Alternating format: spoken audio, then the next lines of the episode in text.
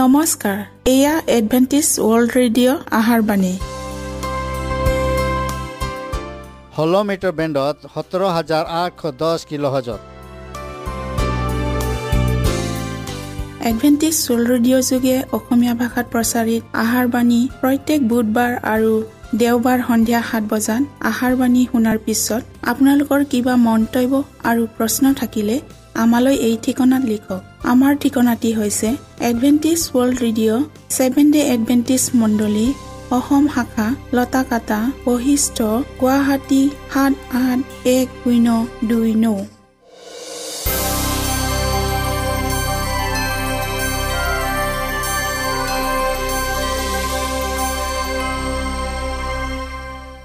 প্ৰিয় শ্ৰোতা বন্ধুসকল এতিয়া শুনো আহক এটি খ্ৰীষ্টীয় ধৰ্মীয় গীত।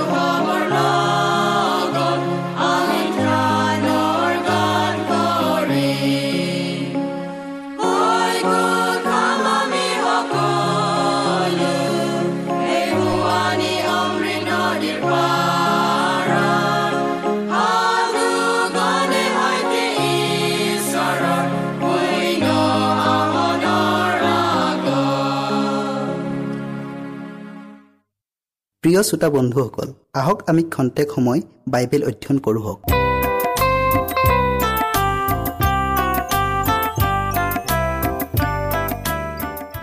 প্ৰিয় শ্ৰোতা বন্ধুসকল নমস্কাৰ।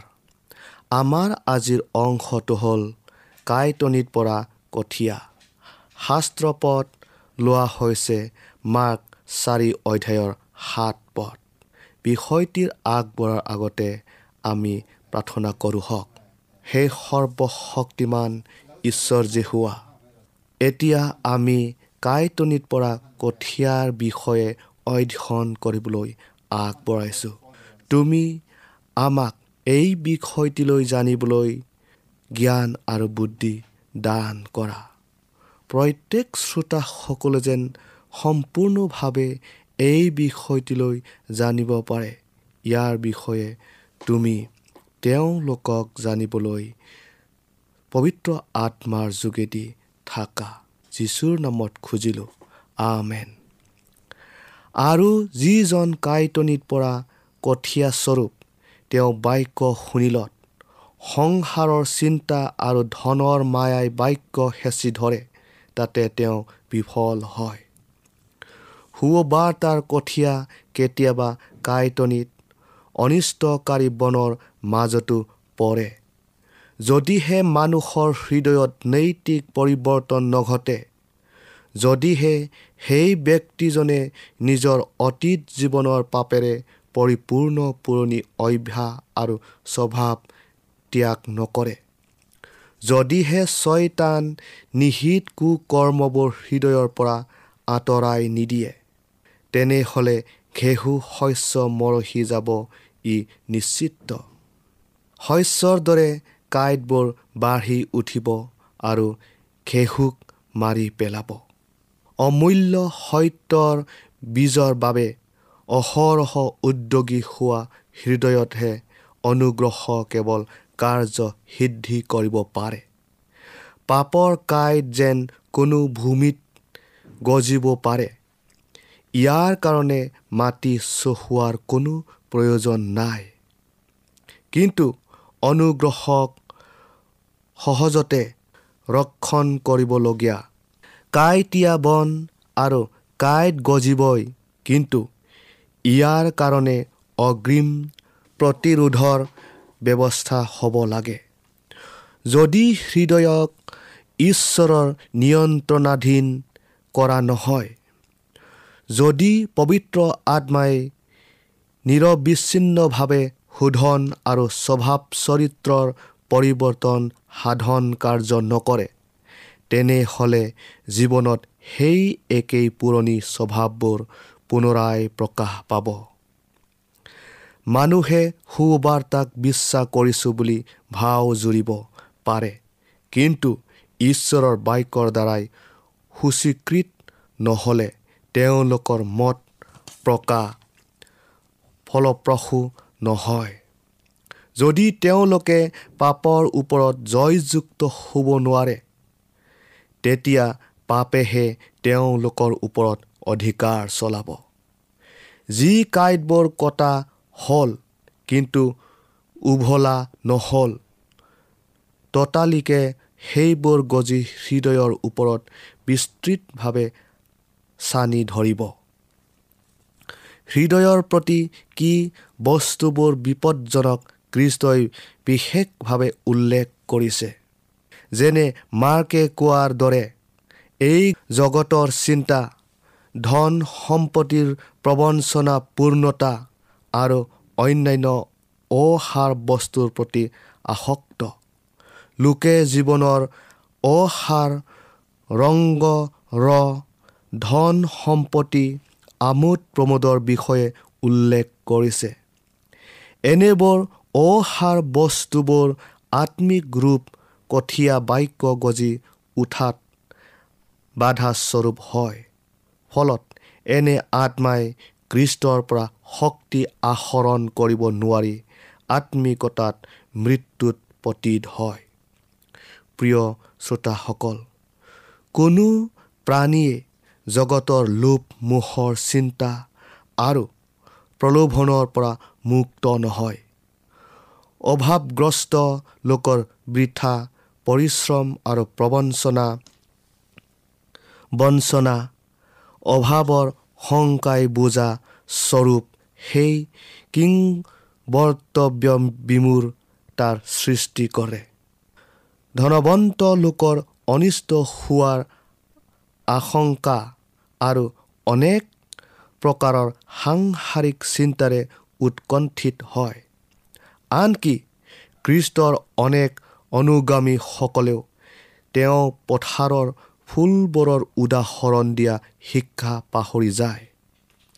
আৰু তেওঁ আমাৰ প্ৰতি ৰখা নিৰবিচ্ছিন্ন সজাগতাৰ ওপৰত ভৰসা নাৰাখে। তেওঁলোকে নিজৰ নিজৰ অসহনীয় বোজাৰ ভাৰ কৃষ্টত সোধাই নিদিয়াৰ কাৰণে তেওঁ বহন কৰিব নোৱাৰে। সেয়েহে যি সাংসাৰিক চিন্তা ভাৱনাই তেওঁলোকক ঈশ্বৰৰ পৰা পৃথক কৰিছে এই সকলো পৰিহাৰ কৰি তেওঁলৈ উভতি আহক। অনেক বিশ্বাসী ঈশ্বৰ পৰিচৰ্যাকাৰীয়েও জগতৰ ধন সম্পত্তিৰ মুখত পৰি তেওঁৰ পথৰ পৰা আঁতৰ হৈ যায়।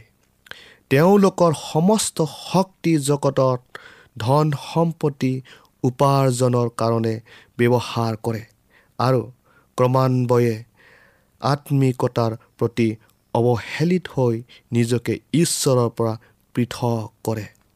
ৰমিঅ বাৰ অধ্যায় এঘাৰ পদত কৈছে কাৰ্যত এলেহুৱা নহ'বা বুলি শাস্ত্ৰই আমাক উদগনি দিছে। যিজনে ঈশ্বৰৰ বাক্য শুনিবলৈ আগ্ৰহী তেনে লোকৰ প্ৰতি বাক্য শুনোৱাত যত্নপৰ হ'ব লাগে। ঈশ্বৰ বিশ্বাসীসকলে নিষ্কলংকিতভাৱে প্ৰভুৰ পৰিচৰ্যা কাৰ্যত ব্ৰতী হ'ব লাগে। কিন্তু পৰিতাপৰ বিষয় অনেক লোকে জগতৰ বেহা বেপাৰৰ প্ৰতি মনে প্ৰাণে ইমানেই ব্যস্ত হৈ থাকে যে তেওঁলোকৰ প্ৰাৰ্থনা কৰিবৰ সময় নাই। ঈশ্বৰৰ বাক্য অধ্যয়ন কৰিবৰ সময় নাই। তেওঁলৈ ধাউতি ৰাখি তেওঁৰ পৰিচৰ্যা কৰাৰ সময় নাই। যেতিয়া পবিত্ৰতা আৰু ধাৰ্মিকতালৈ অন্তৰ আত্মাৰ স্পৃহা জাগি উঠে তেতিয়াও ঈশ্বৰৰ আত্মাৰ ক্ষমতাযুক্ত আৰু গুৰু গম্ভীৰ স্বৰেৰে আহ্বান কৰা শুনিও জগতৰ কোলাহলৰ পৰা আঁতৰি অহাৰ আহৰি নাই। ক'বলৈ গ'লে পৰলোকৰ কথাবোৰ তুচ্ছ জ্ঞান কৰি জগতৰ বিষয় বস্তুবোৰক প্ৰাধান্য দিছে। যি প্ৰাণীয়ে জাগতিকতাৰ কাইটনিত প্ৰতিপালন কৰে তেনে প্ৰাণীয়ে ঈশ্বৰলৈ ফল উৎপন্ন কৰা সম্ভৱ নহয়। আৰু স্বাৰ্থ জড়িত হৈ পৰিচৰ্যা কৰা অনেক লোকেও একেই ভুলকে কৰে। হয় তেওঁলোকে আনৰ হিতৰ অৰ্থে কাৰ্য কৰে কৰ্তব্যত অৱহেলা নকৰে দায়িত্বও বহুত। তেওঁলোকৰ এনে বৃথা পৰিশ্ৰমে লক্ষ্যত উপনীত হোৱাৰ পৰা বিৰত ৰাখে। প্ৰাৰ্থনাৰ সহিত ঈশ্বৰৰ সৈতে আত্মিক সম্বন্ধ গঢ়ি তোলাত ব্যৰ্থ আৰু তেওঁৰ বাক্য অধ্যয়নৰ প্ৰতি অমনোযোগী হয়। মোৰ বাহিৰে তোমালোকে একো কৰিব নোৱাৰা জোখন পোন্ধৰ অধ্যায়ৰ পাঁচ পদত কৈছে। কৃষ্টই কোৱা এই বাণী তেওঁলোকে ইচ্ছাকৃতভাৱে পাহৰি যায়।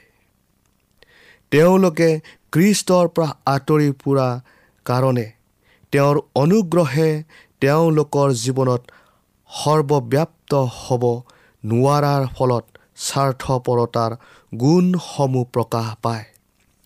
তেওঁলোকৰ অদমনীয় অন্তৰ কৰ্কচ আৰু সূতা ব্যৱহাৰ আৰু প্ৰাধান্যতাৰ অভিলাষে আটাইবিলাক কৰ্মৰ ক্ষতি সাধন কৰিছে।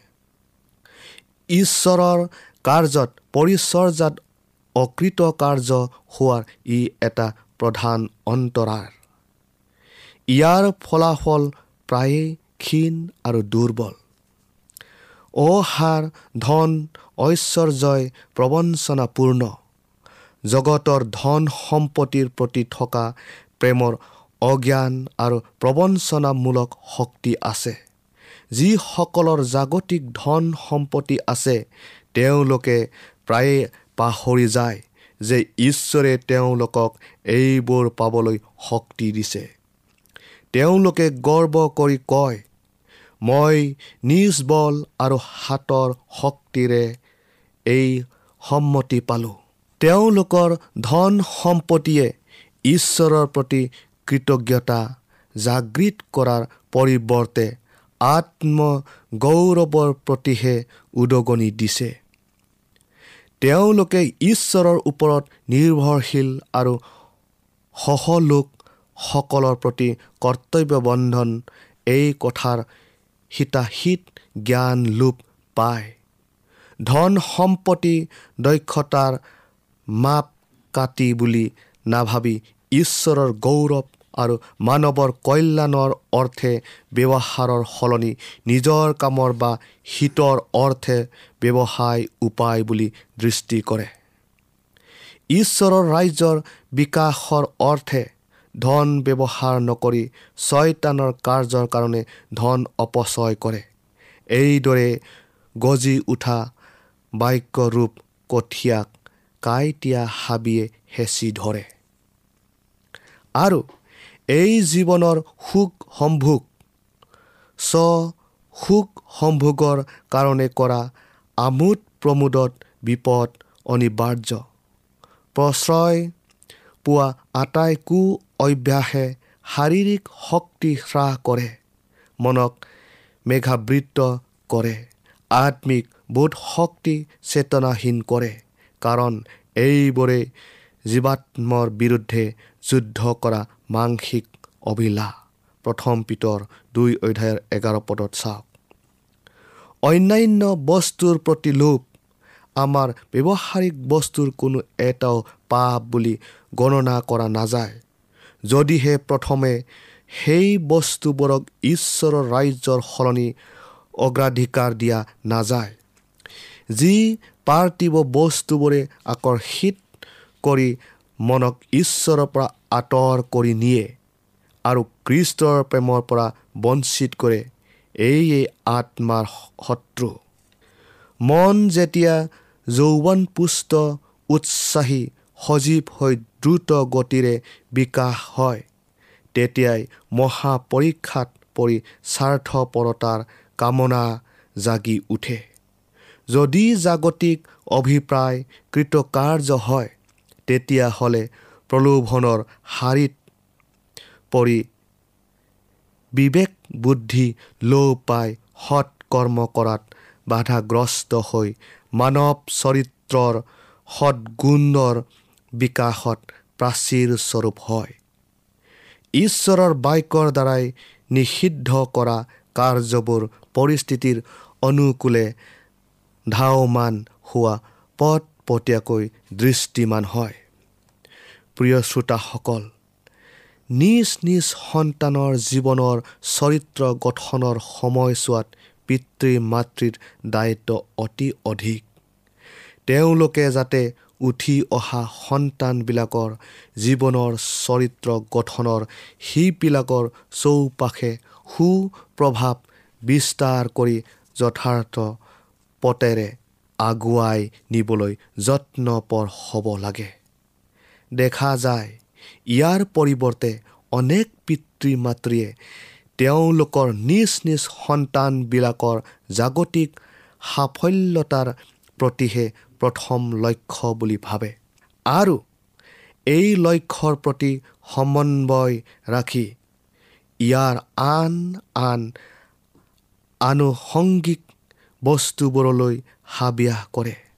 অধিক সংখ্যক পিতৃ মাতৃয়ে ডাঙৰ নগৰ চহৰবোৰত নিগাজিকৈ বাস কৰি নিজৰ নিজৰ ল'ৰা ছোৱালীবিলাকক তথাকথিত বিলাসী ভদ্ৰ সমাজত পৰিচয় কৰাই দিয়ে।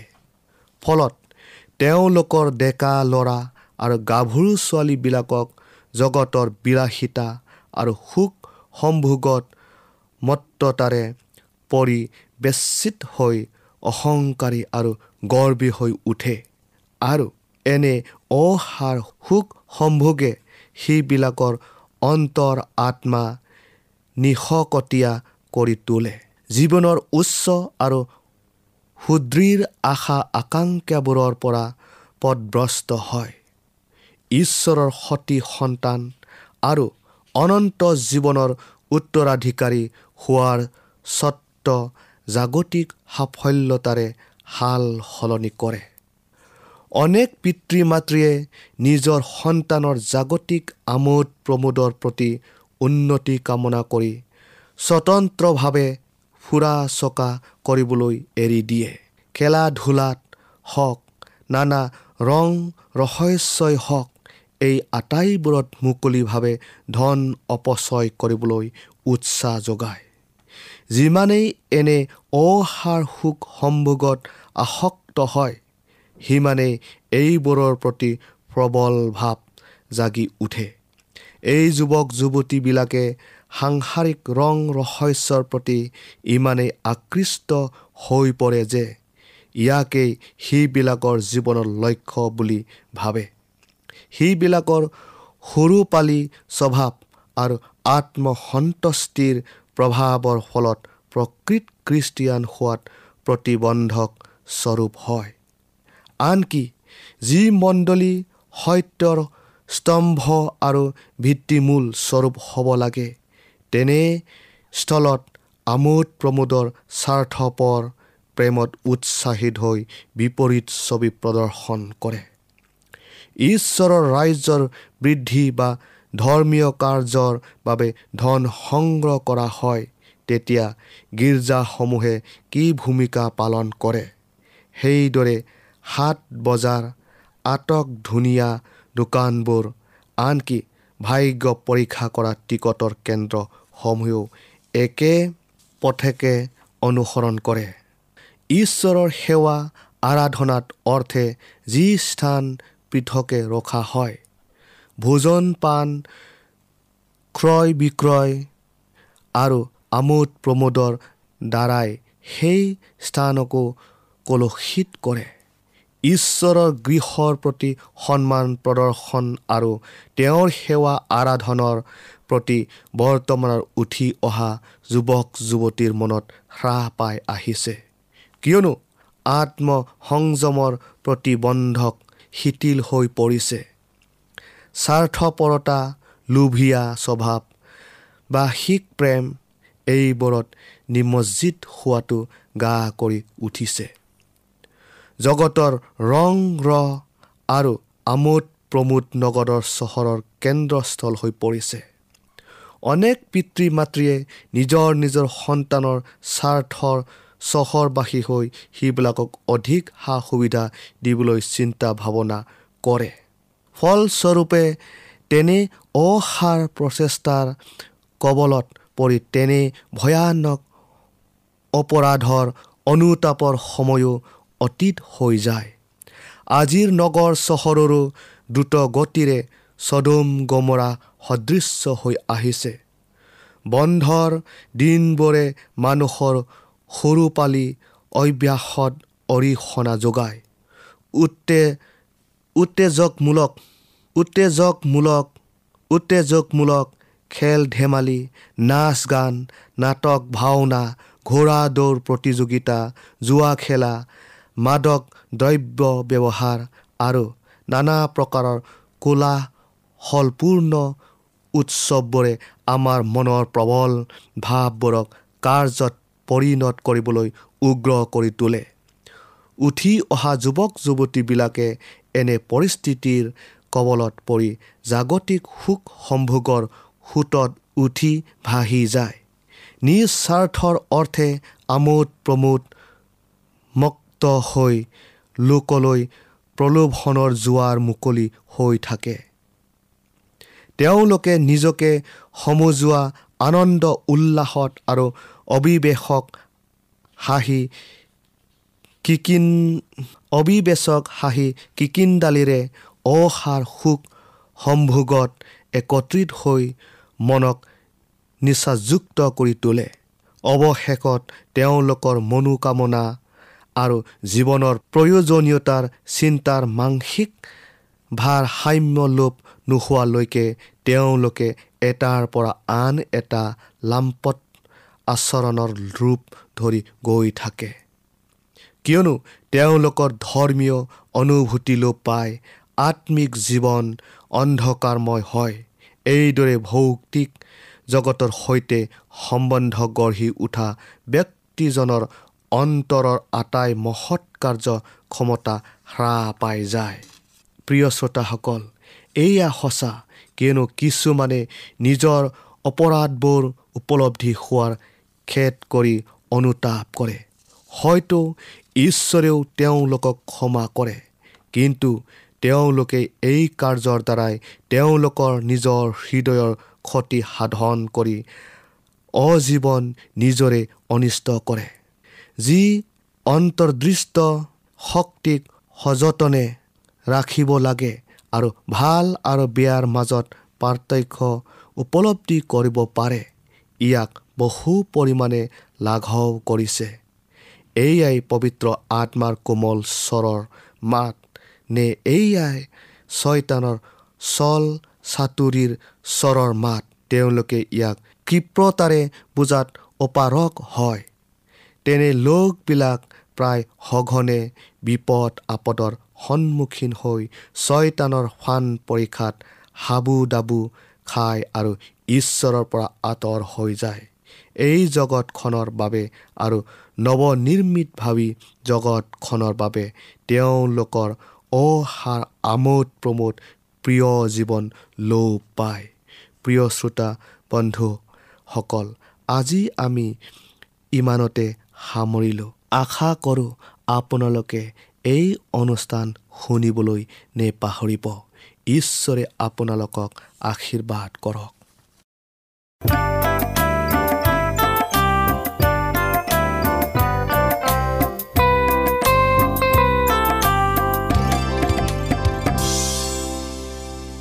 ইমানপৰে আমি বাইবেল অধ্যয়ন কৰিলোঁ। এতিয়া আকৌ শুনো আহক এটি খ্ৰীষ্টীয় ধৰ্মীয় গীত।